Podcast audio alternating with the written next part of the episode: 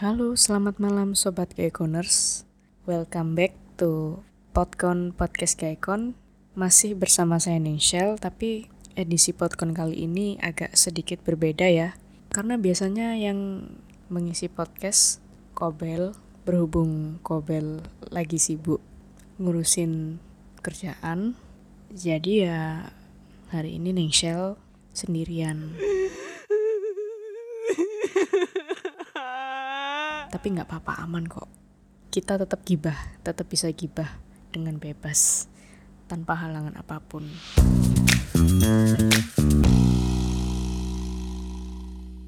Apa kabar sobat Gaikon? Masih semangat ya menjalani aktivitas. Kali ini Ningshel mau bahas tentang tentang apa ya? Kok kayaknya Ningshel ini merasa ada yang aneh namanya Ningsel ini kok sama dengan artis yang lagi hot kali ini. Huh? Ningsel Gisel, Ningsel Gisel kok namanya hampir sama ya. Ah tapi tidak apa-apa lah. Urusan Gisel nggak usah dibahas dulu. Yang penting sudah sama-sama enak lah. Yang nonton enak, yang di video juga enak. Oke, Ningsel malam ini mau bahas tentang kepulangan Habib Rizik ke tanah air. Wow. Ini bener-bener hot, bener-bener sensasional banget. Bulan ini beritanya full Rizik Shihab eksklusif. Hampir semua portal media, hampir semua platform sosial media memberitakan tentang Habib Rizik dan kroni-kroninya. Uh, ini menurut menurut Ningsel, Habib Rizik ini dia punya jurus harimau. Huh? Maksudnya kepanjangannya Habib Rizik masang umpan. Ini istilahnya Ningshel. Tolong jangan disalah paham. Jadi apa ya kalau Ningshel berpendapat pasca kepulangan Rizik dari Arab begitu dia sampai di bandara itu memang banyak yang menyambut banyak umat atau banyak pengikut FPI dan alumni 212 memang memenuhi venue bandara Soekarno-Hatta itu tadi ya. Ini baru pertama kali loh. Ningshel baca berita dan memang sudah di sharing ke mana-mana sih videonya kemarin itu. Jadi video lautan manusia di bandara itu, di terminal utama itu. Waduh, sambutannya ngalah-ngalahin Raja Salman. ya enggak sih? Jadi kepulangan Rizik ini memang membawa sejumlah polemik ya. Polemik buat siapa dulu? Yang jelas bukan buat Ningshel bukan buat Kobel atau bukan buat Kaikon. Polemiknya buat masyarakat luas secara umum termasuk pemerintah. Apa polemiknya? Nah ini kita kupas satu-satu aja ya. Polemiknya adalah satu ketika Rizik landing itu kan para umat menyambut itu mereka memenuhi area bandara tanpa mematuhi protokol kesehatan.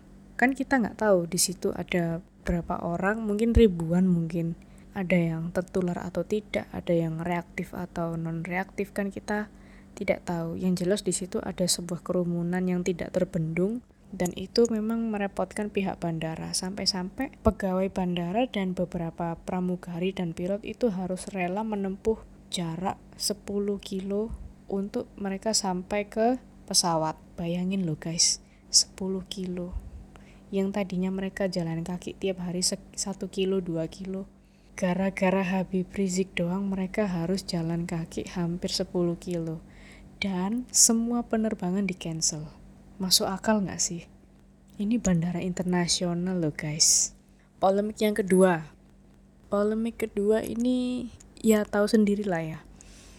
Artis cewek seksi sensasional. Siapa lagi kalau bukan Nyai Nikita Mirzani? Wow. ini mumpung nggak ada kopel jadi kita bahas Nyai Nyai Nikita Mirzani.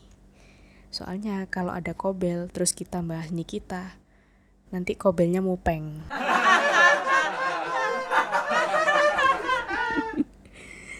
Nah ini kan uh, kontroversi yang sedang berjalan beberapa waktu lalu kan ada beberapa pernyataan Nikita yang memang membuktikan bahwa Rizik ini memang bukan sepantasnya dipanggil Habib atau disebut sebagai imam besar.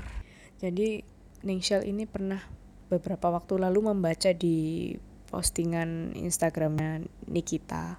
Postingannya isinya ini mengenai kehidupan masa kecilnya Nikita yang bertetangga dengan Rizik. Nikita ini tinggalnya di Jalan Petamburan 4 dan Rizik ini tinggalnya di Jalan Petamburan 3 kan deket toh? Nah selama tinggal di Jalan Petamburan itu mereka bertetangga dan memang pada waktu itu Rizik ini bukan siapa-siapa. Memang Rizik ini memang orang biasa lah seperti kita. Orang biasa dia punya toko obat dan toko parfum ya mungkin ya. Toko parfum. Entah kenapa setelah setelah tahun 98 Pak Harto lengser entah kenapa si Rizik ini mendirikan ormas namanya FPI dan kenapa ya bisa eksis sampai sekarang ya? Apa rahasianya FPI eksis sampai sekarang? Mungkin nanti bisa ditanyakan ke ketua FPI dan memang menurut Ningsel tidak sembarang orang bisa dipanggil Habib ya tidak semua orang dianggap sebagai imam. Tidak semua orang yang berceramah, berpidato, berdakwah diakui sebagai pemimpin besar, ulama besar, dan lain-lain. Itu tidak serta-merta, itu butuh perjuangan bertahun-tahun. Panggilan Habib itu biasanya di, disematkan atau diberikan kepada orang yang mempunyai garis darah dari keturunan Nabi atau minimal dari cucu-cucu Nabi. Itu minimal lah yang mendekati itulah. Selama tidak ada keturunan dari Nabi atau siapa pun dari keluarga Nabi, janganlah yang ngaku-ngaku Habib. Dosa rek, dosa. Oke. Okay. Nah, polemik yang ketiga adalah uh, Habib Rizik ini punya anak buah yang namanya Ustadz Mahir. Ustadz Mahir ini sempat menyatakan dan mengatakan bahwa Nikita ini lonte. Ini lonte ini disensor nggak ya? Jangan deh, biar asik. Nah, dibilang lonte. Emang kalau beneran lonte, terus kenapa? Ya kan? Apa urusan Habib gitu loh. Kan suka-sukanya mau ngapain. Oh ya, kayak Connors ini sorry to say ya, memang Ningshel memang apa namanya? Memang dari awal memang ikut menggalakkan dukungan terhadap Nikita di samping feminisme juga uh, ini memang kita ini memang patut diacungi jempol ya karena dia wanita satu-satunya di Indonesia yang berani menyatakan seperti itu pada seorang tokoh Habib Imam Besar FPI. Nah, pernyataan Lonte inilah yang kemudian ramai diperbincangkan oleh netizen, terutama milenial ya salah seorang penasehat hukum Nikita menyatakan di media bahwa uh, kalau memang Ustadz Mahir ini atau Habib Rizik ini laki-laki sejati, laki-laki tulen, kenapa harus menyerang di media sosial? Kenapa tidak satu lawan satu? Kenapa beraninya sama perempuan? Kalau memang Nikita lonte terus kenapa? Toh dari dulu juga seperti itu, tidak ada masalah toh memang karakternya Nikita suka ceplas-ceplos kayak gitu kalau mau satu lawan satu dong jangan jangan mengerahkan pasukan sampai ratusan orang kayak gitu. Buat apa? Lu nggak ada modal dari mana modal? Hello? Nah ini hal ini yang rame diperbincangkan. Ini ada polemik lagi yang uh, berita pemberitaan tentang pencopotan beberapa kapolda dua Kapolda uh, yaitu Polda Metro dan Polda Jabar. Keduanya ini memang dicopot oleh Mendagri karena setelah diperiksa kedua Kapolda ini seolah-olah Ningsil kalau bilang seolah-olah mereka ini mengizinkan acara FPI berlangsung di beberapa daerah sehingga mengundang kerumunan, mengundang banyak massa dan pasti masa yang menghadiri acara tersebut pasti melanggar protokol kesehatan. Tapi kalau menurut Ningsel, ini memang tidak uh, fair ya. kenapa nggak fair? Karena memang yang yang memberi izin kan bukan bukan langsung dari Kapolda gitu loh. Nggak ada ada hubungannya sama wewenang Kapolda. Toh juga demo kemarin di Grahadi di Surabaya kenapa Kapoldanya nggak dicopot? Ya kan? Ini aneh sih jadi ya Ningsel minta tolong lah ya sama pemerintah. Jangan asal main copot-copot. Apalagi yang dicopot nih jabatan penting ya. Kalau copot celana dalam atau bra gitu mungkin masih masuk akal. Tapi kalau copot jabatan ini yang sangat-sangat disayangkan. Aduh ini kalau ada kobel bahas copot-copot gini bisa-bisa dicopot beneran nih aku. Dicopot jadi partner enggak enggak. Bercanda kok bercanda ya aku. Kemudian polemik yang terakhir adalah sebenarnya bukan polemik tapi uh, di satu sisi menurut eh menurut Kobel menurut Ningsel kepulangan Habib Rizik yang menjadi sensasional ini sebenarnya di satu sisi menimbulkan efek positif memberikan keuntungan bagi negara. Nah kayak Connors tahu nggak keuntungannya apa? Tulis ya di kolom komentar. Keuntungannya adalah semua elemen masyarakat termasuk milenial, anggota dewan, pejabat, pem pemerintah, semuanya bersatu melawan FPI. Bahkan Pan Pangdam Jaya pun mengatakan kalau perlu FPI dibubarkan. Wah, Ningsel adalah orang pertama yang maju di depan dan mengatakan setuju. ini ya jadi memang FPI ini terkenal dengan sensasionalnya tapi sensasional yang tidak jelas yang GJ yang tidak penting yang terkesan makar kalau Ningshel bilang istilahnya nih agak makar nih ya jadi kalau bisa kita tetap bersatu melawan FPI atau kalau perlu FPI ini dirubah bukan Front Pembela Islam tapi Fake Pandemi Indonesia. Ya kan? Fake pandemi, pandemi palsu.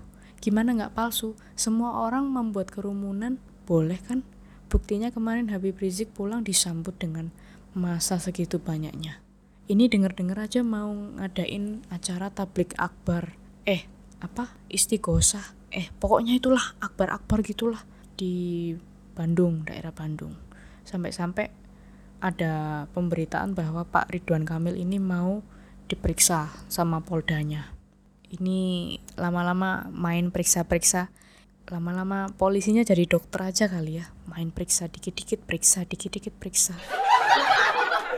Kenapa sih harus main periksa? Kenapa sih nggak langsung gitu loh? Ih, Ningshel ikutan gemes atau mungkin mau endorse mungkin mungkin petinggi-petinggi FPI bisa endorse untuk isi podcast ya podcast tentang ceramah islami atau ceramah-ceramah yang lain nanti setelah di endorse tinggal Kobel yang ngasih ceramah. Gimana? Mantap kak? Mantap dong. Ya udahlah. Ningshel mau bobok cantik dulu. Uh, akhir kata sampai di sini dulu ya guys. Ningshel minta doanya buat Corners. Semoga uh, Kobel bisa balik lagi bisa rekaman sama Ningshel lagi di edisi podcast berikutnya jadi Ningshel ada temennya ngobrol nggak ngobrol sendirian kayak setan gini ya kan doain semoga Kobel bisa gabung lagi dan bisa bergibah ria dengan Ningshel di sini. Jadi statusnya bisa berubah jadi ganda campuran, nggak tunggal putri lagi. Karena ganda campuran itu lebih asik daripada tunggal putri. Thank you so much udah dengerin gibah-gibah gak jelas ini. Ningshel cuma titip salam buat Habib Rizik ya.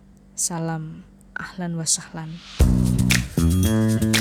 Oke. Okay sampai sini dulu ya guys Assalamualaikum. Bye.